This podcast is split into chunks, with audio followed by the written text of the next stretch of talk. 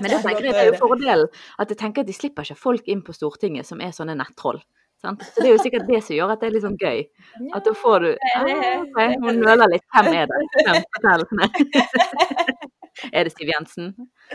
Eller er det Sylvi Listhaug? Du vet at det er hun. Hysj, ikke si noe. Tenk hvis de hører på. Ja, ja, bare la de høre på.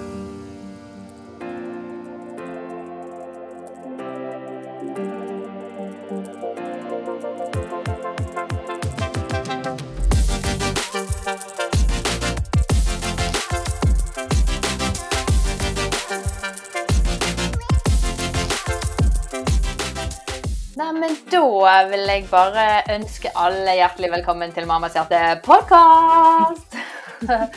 og uh, i dag så er vi veldig, veldig heldige, folkens. Nå må dere Det sier du hver gang, Katrine. Du sier alltid at vi er heldige. Ja, men du, dette er Denne gangen er vi litt heldige. Ja, vi er vel litt heldige hver eneste gang, for det er jo jeg som eh, fikser gjester til denne podkasten, og jeg plukker jo bare mine favoritter. Så eh, jeg er jo superheldig som får lov å velge ut fra øverste linje av gjester som jeg ønsker å pick the brain av. Um, ja da. Nei, så I dag så er vi tilbake i, uh, i stuene våre holdt jeg på å si, med, med opptak over nett. For dette, vi har med oss en fra sjølveste Tigerstaden. Uh, Ida Lindtvedt Røse hjertelig velkommen til Mammas hjerte-podkast. Takk for det. Litt utafor Oslo, da, må si. Det er ikke midt i koronagryta. Nei, det er godt å, å, å avkrefte det. Uh, så du, var, du, har ikke vært med på den strengeste nedstengning og, og restriksjoner der som du bor, da? Eh, nei, men det er jo ganske strengt her òg, for de har jo fulgt etter alle kommunene rundt. Så jeg føler, uh, ja, vi er stort sett hjemme og sammen med vår egen familie. Ja, det er, har blitt sånn eh, det siste året. Og nå håper jo vi at 2021 vil snu, og, og, at det vil komme litt nyere, lysere tider for oss alle. Eh, for de som ikke kjenner navnet ditt, det er jo mange som på en måte har hørt navnet og kan kjenne igjen og, og følge med. Men det er gjerne ikke alle som er like opplest og uh, følger med i politikken. Har du lyst til å bare gi en kjapp introduksjon? Hvem er du, hva driver du med? du og dine, og ja. Mm. Eh, ja, jeg eh, er eh, først og fremst tobarnsmor. Jeg er gift eh, med en som heter Jon Anders, og har to eh, små jenter. En som er eh, elleve måneder i dag, faktisk, og en som er to og et halvt. Og så har jeg kjempelenge vært med i politikken. begynte egentlig som engasjert liksom, ungdomsskoleelev i elevrådet, og så har det ballet på seg med at jeg har vært med i både kommunestyret og i ungdomspolitikken. Og nå er jeg på fylkestinget som gruppeleder i det store fylket Viken. Eh, og er stortingskandidat for KrF til høsten i Akershus. Og så var jeg så heldig at jeg fikk lov til å være barne- og familieminister i sommer. Mens Kjell Ingolf var ute i pappaperm. Så mens han gikk ut i pappaperm, så gikk jeg ut av min eh, mammapermisjon. Og tok over eh, statsrådsstolen i noen måneder der i sommer, da. Så det var veldig gøy. Og da var jo minstebarn bare fire måneder, stemmer det? Mm. Det er jo helt rått.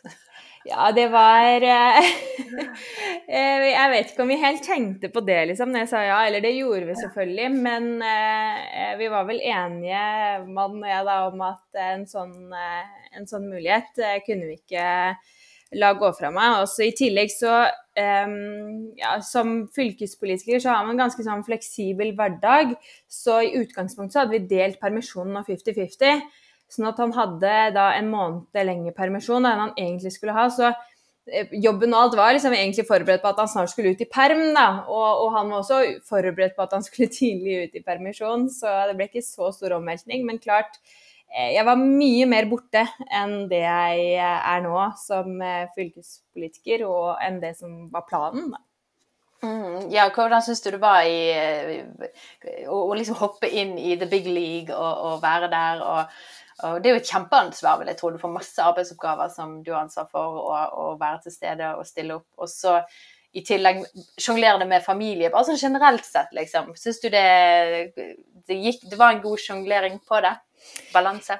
Ja, altså jeg syns egentlig sånn var det sist gang jeg var eller gikk fra permisjonen og inn, på, inn i jobb igjen også, da. At når jeg liksom begynner å jobbe og er på jobb, så syns jeg det er veldig lett å gjøre det skiftet. Jeg, jeg veit at det er mange som syns at det er innmari krevende og vanskelig, og liksom hvordan går det der hjemme og sånn. Eh, for min del så er det ikke helt sånn. Da på en måte har jeg bare hodet kobla på et annet sted. Så eh, sånn sett så var ikke det så veldig stort problem for meg, annet enn at det var utrolig mye å gjøre. Så det å gå fra eh, på en måte altså koronaliv i permisjon som jo ikke besto av så veldig mye. Av noen ting. Ingenting, egentlig. til liksom superhektisk hverdag, masse sakspapirer, lange regjeringskonferanser. Eh, og da i tillegg liksom ja, et enormt temposkifte. Eh, og eh, masse nytt å sette seg inn i. Det merket jeg at det var jo tøft de første ukene. Eh, så var jeg helt pumpa. Helt skutt, det vil jeg tro. Men det var liksom også litt den der Jeg måtte bestemme meg for hva er det jeg skal prioritere denne perioden her. Eh, nå var jeg såpass heldig at eh, jeg visste at det var liksom tre måneder, og så skulle jeg tilbake i et normalt liv. Eh, var, jeg var der ikke på ubestemt tid, men da var det også veldig lett for meg å si at ok, i denne perioden så prioriterer jeg litt annerledes enn det jeg ellers gjør. Um, og så mener jeg faktisk også at det er en kjempefordel at vi har altså Dagens regjering har jo flere småbarnsforeldre eh, som statsråder. Eh, og det gjør både det og at Kjell Ingolf også selv eh, er småbarnspappa, gjør at departementet var vant til at liksom, småbarnsforeldre som eh, var statsråd. det gjorde at jeg hadde, fikk veldig stor respekt for f.eks. å si at jeg må hente i barnehage. Eh, jeg vil helst, eh, når det er mulig, være hjemme eh, og på en måte være kobla av mellom fire og seks, og så heller koble meg på igjen på kvelden eller sånt noe, da, for å få vært med ungene og få sett dem i løpet av dagen. Så det, det opplevde jeg som veldig godt, da, og at de tilpassa seg det, og at det ikke var noe stort problem. Og at jeg også da greide å være såpass effektiv da, som, som jeg trengte. Ja, så utrolig fantastisk. Jeg tenker det er stort både fra deres side at de, det, det, er blitt såpass eh, romslig i at du kan være, eh, sitte i regjering og være med og, og samtidig være familieperson, både mor og kone og far, men òg fra din side at du òg bare stepper opp og tar en sånn utfordring. Jeg blir så det, jeg tenker for oss som går med drømmer, store drømmer, og, og på en måte det, det inspirerer da, til uh, å, å, følge og hoppe på sånne sjanser som kommer. altså bare Ja, bare ta litt sånn eh, risker, da. Det er kanskje litt godt for folk å høre òg, da. For hvis man tenker at liksom alle politikere er sånne supermennesker som på en måte ikke har noen ting de skal ved siden av og sånne ting. Og hvis det faktisk hadde vært sånn, så er jo ikke det sikkert at det hadde vært de som hadde vært de beste til å ta avgjørelser for alle oss andre, på en måte, som sitter med jobber og familie, eller ja, hva det måtte være. Nei, det tenker jeg også. også mødre og fedre mellom liksom, ja, midten av 20-åra og midten av 30-åra er ganske underrepresentert i politikken, nettopp fordi at det legges opp til lange møter, eh, gjerne på innmari dårlig tidspunkt. Altså, da jeg satt i kommunestyret, så var det liksom gruppemøte fra klokka seks, og så var det møter utover, og alle mødre og fedre vet at bare skjerm liksom fra klokka seks til halv åtte, vær så snill. Eh, sånn at begge to får vært med på leggingen. Eh, så det å, å, ha flere småbarnsforeldre i politikken, det gjør også at politikken åpnes for andre i samme situasjon. Eh, og så syns jeg også det er viktig å se da, eh, at det er statsråder som er småbarnsforeldre. Eh, at jeg selv på en måte gikk inn i den rollen og tok den. Og at det kan være et signal til andre i samme situasjon, at det er mulig. Og ikke minst til yngre kvinner. Si at det er ikke sånn at eh, man først må prioritere kun arbeidsliv eh, og kun karriere, og så eh, få barn etterpå.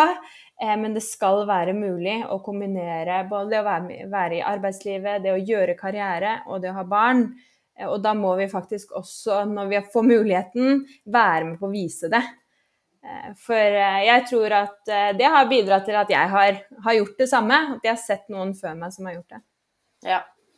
Hvordan opplevde du hele å, å være en del av storgruppen og, og ja, se det fra innsiden, da. Virkelig være nært på og se hvordan ting blir gjort. Og, og ja.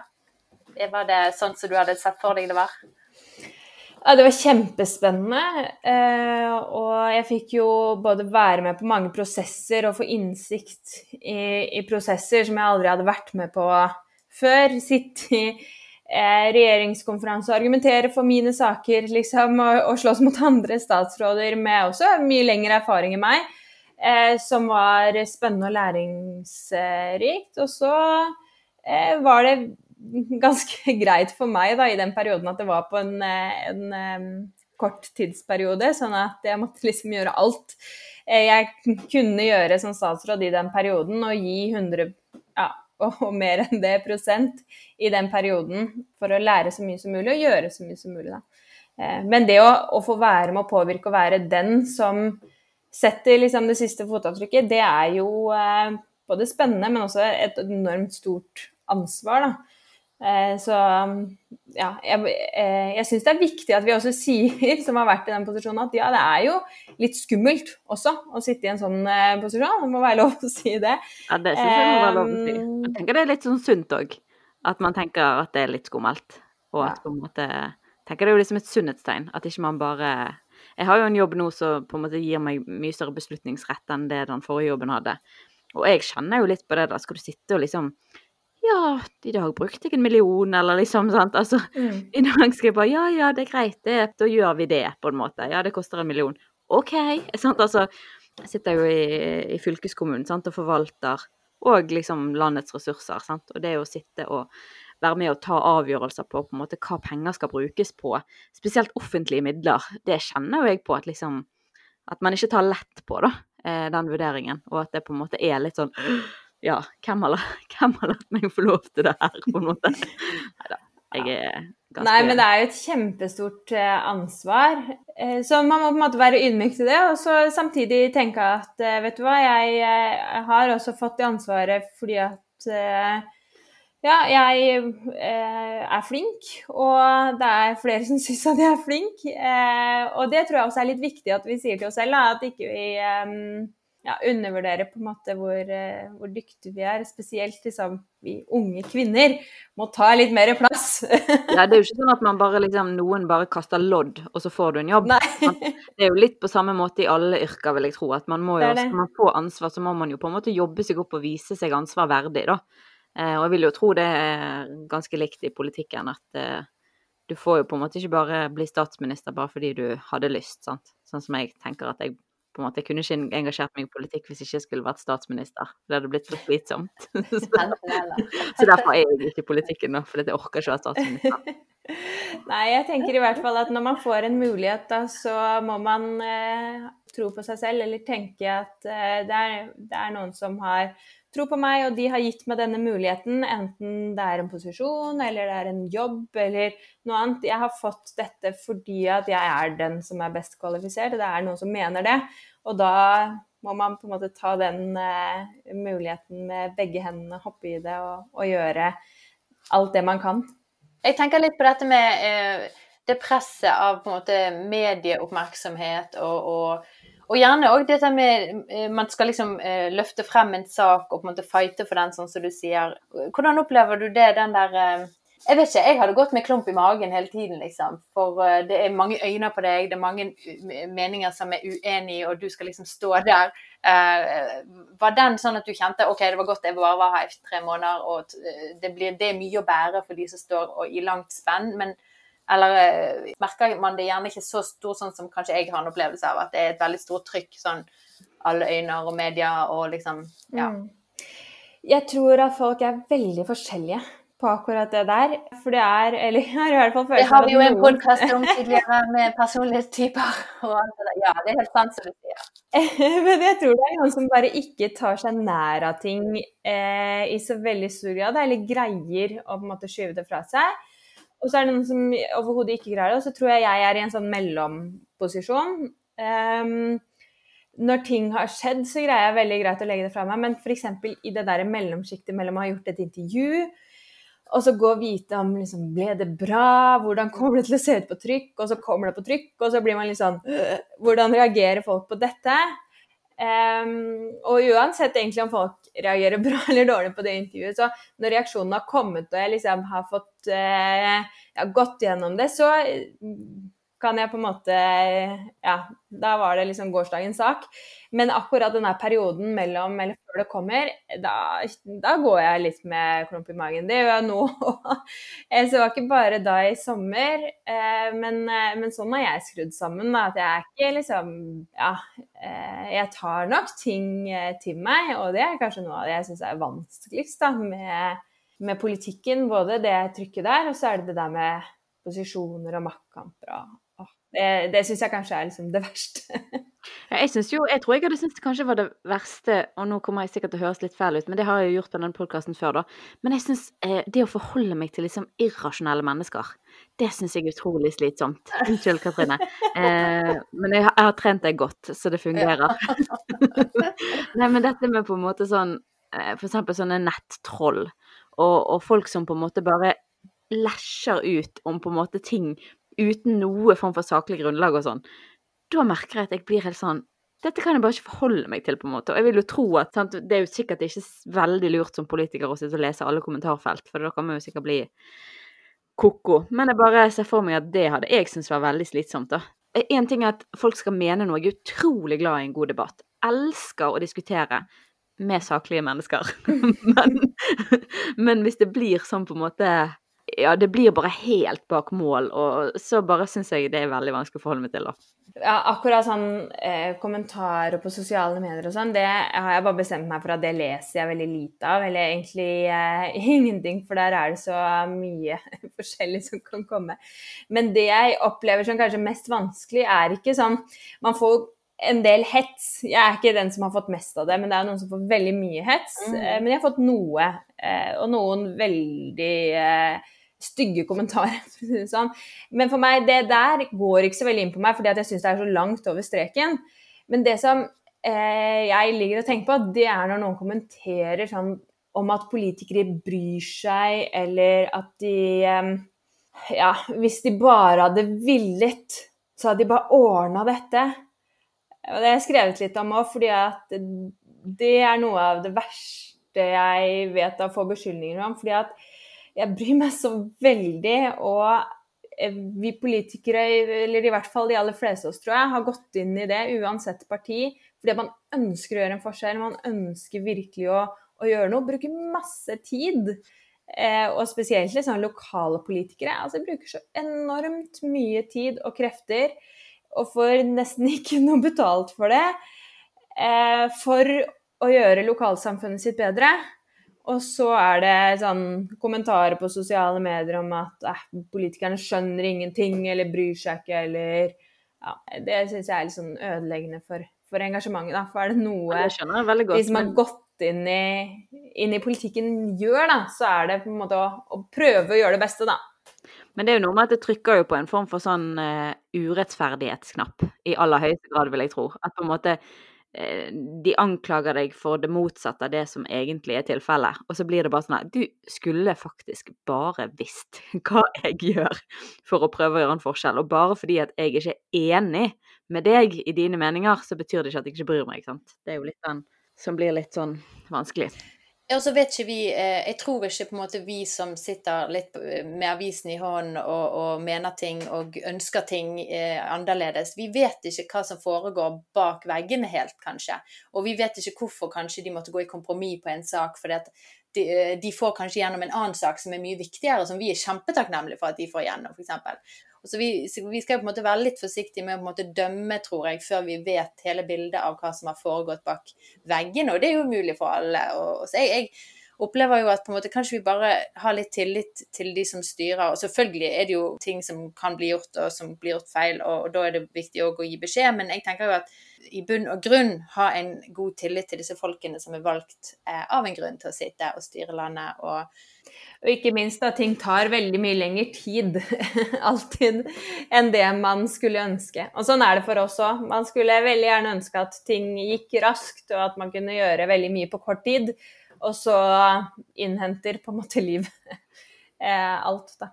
Nei, så, så, all ære så til dere som jobber med det. Og på en måte, det er jo et verv du har stått i siden du var ungdom, som du sier, og, og brukt mye av din fritid, og, mye, og heldigvis får du noe betalt for det. Så jeg, det er et fantastisk innsats folk gjør, uansett parti, tenker jeg. Mm. Um, Virkelig. Men apropos eh, sånn tillit og sånn, da. Altså, det har jo vært, Nå er vi jo tre mødre her, og som har vært i permisjon i ulike tidspunkt. Så jeg tenkte at det er jo noe som opptar folk fortsatt den dag i dag. Nå har vi jo liksom roet oss litt, eller folk har roet seg litt i forhold til denne tredelingen av permisjonen og sånn.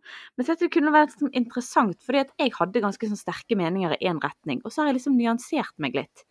Eh, og da tenkte jeg liksom dette her med at sant, vi snakker om at vi må ha Det er lurt å ha tillit til politikerne. Det er kanskje vanskelig å ha tillit til politikerne fordi at eh, sant, de sier en ting, og så gjør de noe annet. Men vi forstår jo ikke alltid hvorfor de gjør noe annet. Det er jo ikke for å være vrang, det som Katrine sier. Vi vet ikke hva som skjer på bakrommet, hva kompromiss man må gjøre. Eh, fordi vi lever i et demokrati, og systemet er sånn som det er. Men det er jo litt dette her med på en måte regjeringen og på en måte landet vårt har jo en del makt over oss. Og det har jeg kjent veldig på i denne koronatiden.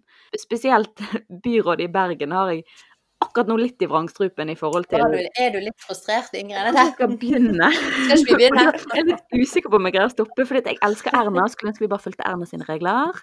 Eh, men så har på en måte byrådet i Bergen tenkt at de vet bedre enn Erna, og det liker jeg ikke.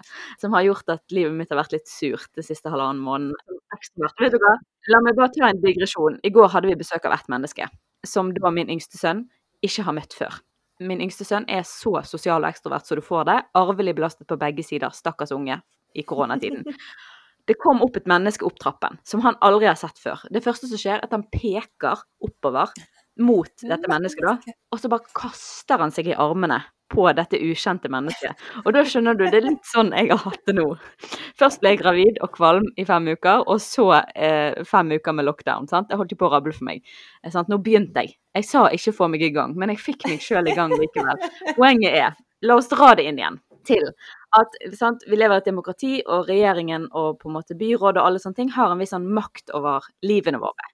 Eh, og en av de på en måte maktene de har, da, eller liksom bestemmelsesretten, er jo litt dette her med permisjon. Som er kanskje liksom dette eh, Noe som på en måte trykker på noen knapper, tror jeg, spesielt hos mødre, som er i en sårbar fase, definitivt, og ganske hormonell.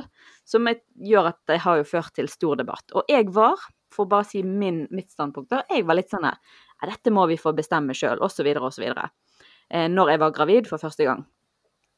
Eh, og så, så syns jo jeg permisjon var utrolig mye kjedeligere enn det jeg hadde trodd. Jeg tenkte oh, kjempegøy person, vil ha mest mulig. Syns det var skikkelig dritt. Og eh, eh, jeg løp ut i jobb igjen når jeg var ferdig, og syns at de siste fem ukene var helt bortkastet. Så for meg så endret det seg litt, og gikk noen på en måte prosesser i det. Og så bare tenkte jeg kanskje vi kunne drøse liksom litt rundt eh, det, da, som mødre imellom og en politiker iblant oss. Her vi tenker litt som om permisjon og makten som regjeringen har over oss. da. Nei, eh, For å begynne litt på det, da, så tenker jeg eh, Nå har jeg liksom vært politisk aktiv siden jeg var ungdom, og mange av de politiske engasjementene mine går på det liksom rent prinsipielle. Eh, så jeg mente mye om permisjonsordning også før jeg fikk barn. Men jeg må si det å få barn er kanskje den liksom livsfasen jeg har vært gjennom personlig, hvor jeg, jeg har liksom opplevd politikk mest på kroppen og, og, hvor viktig politikk er eh, på veldig mange måter. da. Eh, både når det gjelder liksom, barnehagetilbud eller permisjon eller, eller, andre ting. Og for min del så var det sånn at med førstemann så hadde jeg et ganske heftig svangerskap på slutten med svangerskapsforgiftning og diverse, som gjorde at det tok ganske lang tid for meg å komme meg tilbake, selv om jeg også er litt sånn ville raskt tilbake i i arbeid og aktivitet igjen. Men da var jeg ute i sånn ti måneder. Altså jeg tok på en måte hele Da var det jo ti uker til hver, så jeg tok hele fellesperioden og ferie osv. Eh, men så hadde min mann litt ulønna permisjon, da.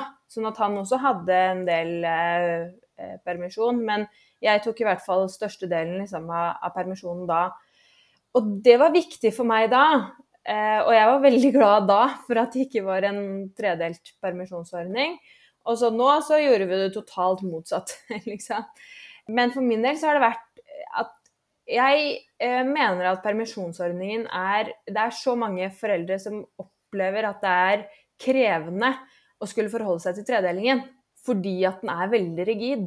15, 15, 16, som jo er delingen, eh, er det veldig mange som sliter med. Spesielt hvis eh, Eh, man har hatt utfordringer i svangerskapet eller etterpå, i barseltiden, som gjør at liksom, man ikke kommer ordentlig i gang med permisjonen. Da. Og da tenker jeg at vår oppgave som politikere, det er å legge til rette for gode familier, trygge familier, og at familiene skal kunne være trygge sammen. Jeg mener at en del av det også er å, å bestemme mer av foreldrepermisjonen selv.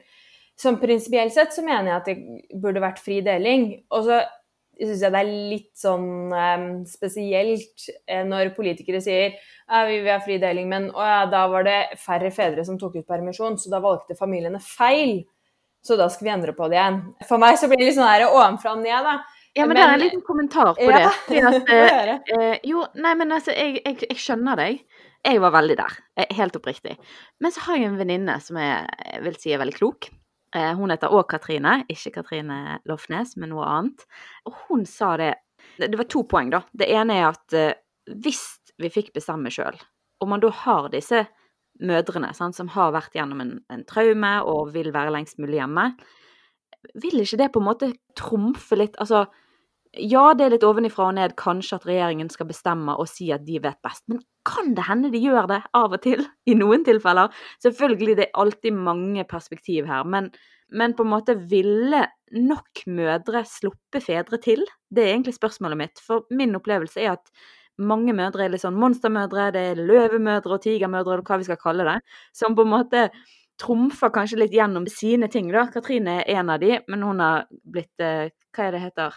Helbredet? Nei da. Nei, Nei, men, men altså, hør, da. Hvis jeg får bare legge til min permisjon her, da.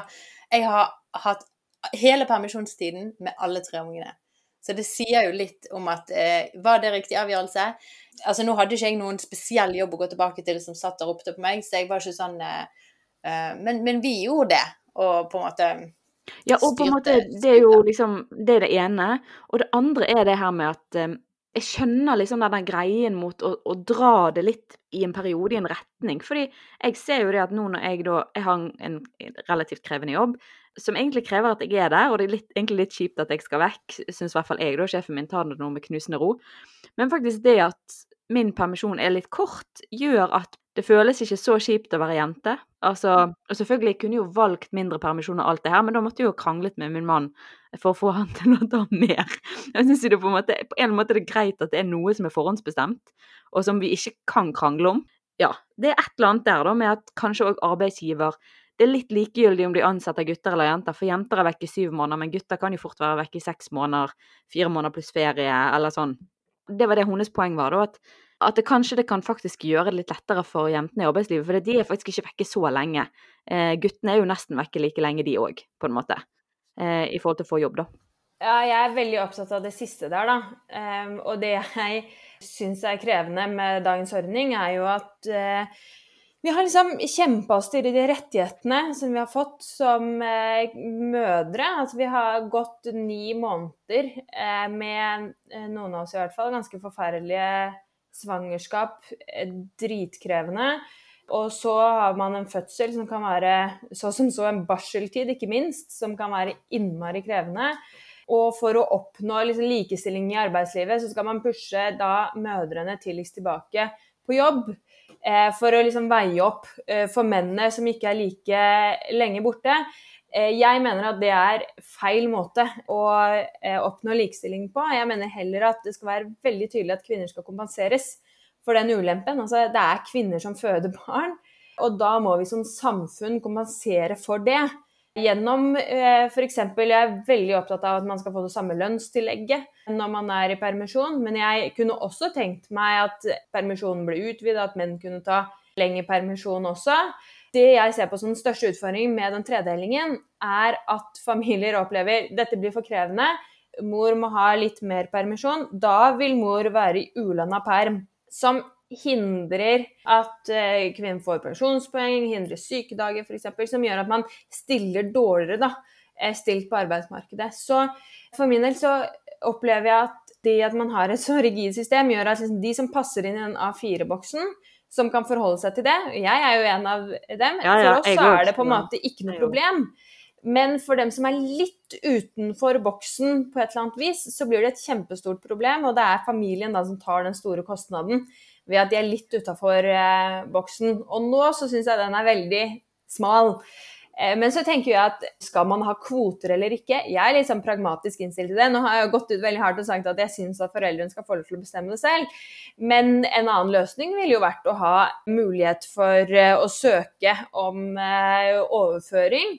Og at man hadde noe lettere for da, enn det det er i dag. For i dag er det ekstremt strengt om man skal få overført. Det er nesten umulig. Eh, men litt lettere å få overført kvoter. F.eks. hvis far er selvstendig næringsdrivende, eller mor er selvstendig næringsdrivende. Eller ting som gjør at det kan være utfordrende å opprettholde de kvotesystemene som er i dag. For da ville det store flertallet forholder seg bare til sånn systemet er. Og det er litt det du snakker om. ikke sant? At ja, hvis man ikke har noen sånne kvoter, så vil bare det naturlige være å velge nesten hele permisjonen som mor. Og det ønsker ikke jeg heller. Jeg, eh, I vår familie så har eh, pappaen tatt eh, mye permisjon, og jeg ønsker jo veldig sterkt at både mammaen og pappaen skal være hjemme første tida. Ja, for det er det at jeg er jo, jeg er jo 90% enig med deg. Jeg er jo egentlig, sant. Men så er det det der lille perspektivet av på en måte Og, og jeg er helt prinsipielt enig med deg i forhold til det med arbeidsliv og, og sånne ting. Vi kan si mye, men mange som ansetter, de, de tenker sitt likevel, og det tar tid å snu. Det er helt enig i. Jeg, jeg tror det har vært veldig riktig å ha hatt kvoter. Det må jeg bare si. Det har vært helt uh, nødvendig, tror jeg. Men så reagerer jeg litt på denne debatten om at det er sånn enten så er det liksom helt strålende system med kvoter, eller så er det helt strålende system med ikke-kvoter. Eh, jeg tror det finnes ikke noe sånn helt eh, fantastisk system som passer for alle. Og kunne vi hatt litt mer pragmatikk ja, eh, i måten vi snakker om permisjon, eller prøvd å finne løsninger som da kan tilpasses ulike familier. For det er det som er hele greia, at vi er så forskjellige også liksom svangerskap til svangerskap. Så jeg skulle ønske meg en permisjonsordning som var litt mer fleksibel. Og som kunne tilpasses de ulike familiene som vi faktisk er, da. Det er jeg helt enig i, og som sagt 90% enig. Men jeg tror det er en del fedre som er takknemlige for at de slipper å krige om plassen sin. For det tror jeg veldig mange fedre må. Så det er noe fint med det òg, tror jeg, da.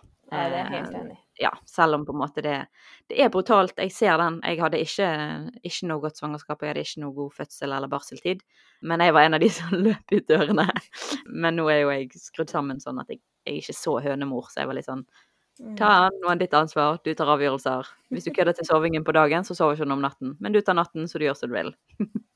Ja, men vi får ta, ta, ta rådene og uh, meningen vår mer til, uh, til Kjell Ingolf når vi skal snakke med ham ja, det blir sikkert bare, Å, hyggelig prat på podkast, og vi bare Vi har en agenda. vi har en sak å ta opp. Det var livet mitt. ja, men det er jo litt stas at vi skal få lov å få han uh, på i februar, så må, det må dere glede dere til, folkens. Vi skal ikke bare snakke politikk da, da blir det jo masse høre om hvordan Høre hvordan Erna er. Det er derfor vi Ett steg nærmere målet. Ett steg nærmere. Nei, men det blir veldig hyggelig. Jeg har faktisk Nei, men Veldig gode poeng som kommer frem, og, og, jeg hører jo den med på en måte at alle familier er jo så forskjellige, og på en måte det skulle vært et system som også rommer de og favner de som er annerledes i annerledes situasjoner enn de som passer inn i tredeling, da. Det er spennende å diskutere med en politiker. Ekte politiker. Dere kunne jo holdt på i. Jeg tror vi kunne hatt det gøy. Nei, jeg, som sagt, jeg liker jo en god debatt med saklige mennesker, og det er jo du i aller høyeste grad. Men det, tenker jeg, det er jo fordelen at jeg tenker at de slipper ikke folk inn på Stortinget som er sånne nettroll. Sant? Så det er jo sikkert det som gjør at det er litt sånn gøy. At da får du ah, Hun nøler litt. Hvem er det? Hvem? Fortell. Er det Siv Jensen? Eller er det Sylvi Listhaug? Du vet at det er hun. Hysj, får ikke si noe. Tenk hvis de hører på. Nei, jeg må la de høre på. Men uh, for, jeg, jeg, har et siste da, på, til avslutningsvis her. For nå har vi snakket om um, hva kan uh, stat og regjering gjøre for oss i forhold til hvordan de makt og regler og ting de, de lager for oss. Men jeg har lyst til å på en ende litt i hva kan vi gjøre for å være med og, og dra lasset, da? Litt vi som både mødre, vi som familier. Hva, hvordan kan vi være med og utgjøre en forskjell i dette her eh, politiske landskapet, da? Er det, Fins det noen eh, Utenom å stemme på dagene vi skal stemme og alt det, det gjør vi jo. Men jeg tenker jo egentlig bare at altså, familiene rundt omkring, alle familier og mødre og fedre i Norge, gjør en fantastisk innsats i det å være familie. Noe av det viktigste vi som politikere jobber med, er jo å sikre alle barn en trygg og god oppvekst. Jeg tror det absolutt viktigste, grunnplanken for å, for å få til det, det er gode, trygge, stabile familier. Eh, og er det noe jeg har lyst til å kjempe for politisk, så er det liksom å legge grunnlaget for at familiene kan blomstre. Og det ansvaret som mammaer og pappaer har i å følge opp barna, og bare den derre mm, uforbeholdne kjærligheten som alle trenger, og som familien er det viktigste stedet for. Eh, det er en kjempejobb. Så, så uansett hvor man er som familie, det å, det å være en trygg og god familie og, og trygge og gode omsorgspersoner for barn, det er en kjempeviktig jobb for hele samfunnet vårt. Det er jo et engasjement da, som man har. Det er et stort og viktig. Det er jo livet, det, eh, egentlig. Eh, men jeg tenker, kunne ikke det kommet noen sånne her på en måte eh, retningslinjer fra politikken, fra staten, fra KrF, som på en måte skal sier at alle par må gå gjennom kurs hvert år, eller foreldreoppdrag. altså Sånne ting, på en måte, for det vil jo være med å bygge opp dette med å være trygge, gode familier. Det, det her med at alle må bidra på kurs og på ja. ja, en av de tingene jeg er veldig glad for, er jo at vi har eh, fått gjennomslag for, det er KrF som har gjort, da, eh, at alle nybakte foreldre skal få familieveiledning eh, og samlivskurs. Og det tror jeg er en eh, viktig nøkkel. Og faktisk anerkjenne at samlivet oppi det å være en familie er også en eh, stor jobb når man har fått barn. Men også, som jeg eh, kjempa veldig for da, i sommer og i det budsjettet som har kommet, forsøke også foreldreveiledning når det gjelder tenåringsforeldre. Eh, for jeg tror veldig mange opplever at man får til dels i hvert fall god råd og veiledning på helsestasjonen når man har små barn. Og så er det, eller kan i hvert fall være like store utfordringer når man har tenåringer. Og det å, å ha en eh, god veiledning for tenåringsforeldre Så er jo jeg kjempestolt av det tilbudet vi har, familievernkontoret. Men det eh, ordet høres liksom Eller det er veldig mange som ikke kommer i kontakt med familievernkontoret før man står på randen til skilsmisse. Men å vite alle foreldre der ute at det heter Eller det er noe som heter familievernkontoret, som er helt gratis. Der man kan få hjelp hvis man sliter i samlivet sliter som eh, Eh, familie, eller ønsker råd og veiledning. Så det var bare sånn NB, husk på det tilbudet. Det er et fantastisk tilbud vi har, men som veldig få egentlig kjenner til. Så, men i hvert fall det å ta ansvar som familie er viktig, men også det å engasjere seg i noe utover eh, egen familie, om det er foreldreutvalg i barnehagen eller på skolen, som eh, veldig mange foreldre på et eller annet tidspunkt er med på, det er å gjøre eh, lokalsamfunnet og skolen sin bedre. Eller å velge å engasjere seg i noen form for organisasjoner, menighet. Eh, det er liksom ikke bare politikken som er stedet for å gjøre en stor forandring, eller gjøre noe for andre mennesker. Og det tror jeg er litt viktig å minne om. For selv så har jeg på en måte valgt politikken som det stedet hvor jeg engasjerer meg. Men det å engasjere seg i en menighet eller en organisasjon kan bety kjempemye for andre mennesker. Og hvis man opplever at det er der engasjementet ligger, ja, så, så gå den veien. Man har jo sånn som idrettslag, f.eks. Der er det jo eh, kjempeviktig arbeid som gjøres av foreldre der. Eh, Røde Kors vet jeg tilbyr jo masse sånn frivillig tjeneste. Du kan være med og være besøkshjem, du kan være med i leteaksjoner og alt dette her. Så det fins det for alle interessegrupper, tror jeg. Eh, noe å kunne involvere. Men akkurat som du sier, at man ser litt utover sin egen familie, det er noe som jeg Å, det dunker sånn i meg. For vi kan bli så oppslukt, og så det, Livet sluker oss rått eh, når vi er, det så mye som skjer. Men jeg tror at når vi gir litt ut, så vil vi få så mye mer tilbake igjen så da, eh, som er positivt. Til og med i en travel hverdag, at vi prioriterer å gi ut til noen andre, så vil det òg fylle noe i oss som, som, gir oss en enorm lykke og en enorm glede til å på en måte òg eh, gi inn til vår egen familie. Så, så, jeg er så glad for at du løftet det frem. Bare liksom å være Gi seg inn i en slags eh, frivillighet en plass, da. Mm. Så må jeg bare også legge til da, at idet du er eh, forelder for dine egne barn, så vil du også alltid ha noe med andre barn å gjøre.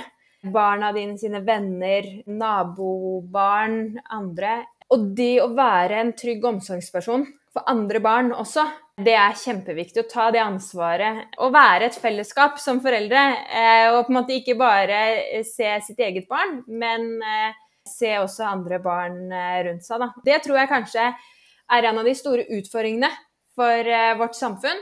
At vi ser mye innover, og vi ser mye på oss selv og, og vårt eget barn og hegner om det. Men eh, vi må som foreldre se andre barn, passe på andre barn, og også eh, hjelpe barna våre til å være en, eh, en god venn og en god klassekamerat. Ja, og så bra sagt. Det er kjempeviktig, altså. Utrolig eh, godt å ha deg her og minne oss om disse tingene. Jeg er veldig, veldig veldig kjekt, Ida. Tusen takk for at du brukte tid med oss. Eh, Utrolig hyggelig å være sammen med dere og følge dere og ja, så bra. Og så du som lytter på, vi høres ja. i neste episode. Rett og slett. Ha det godt.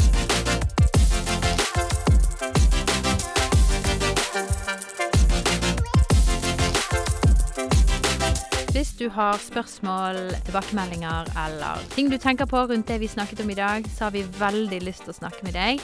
Du kan kontakte oss på Snapchat, Instagram og Facebook. Der svarer vi alle meldinger. Så skriv oss en melding. Vi har veldig lyst til å chatte litt med deg.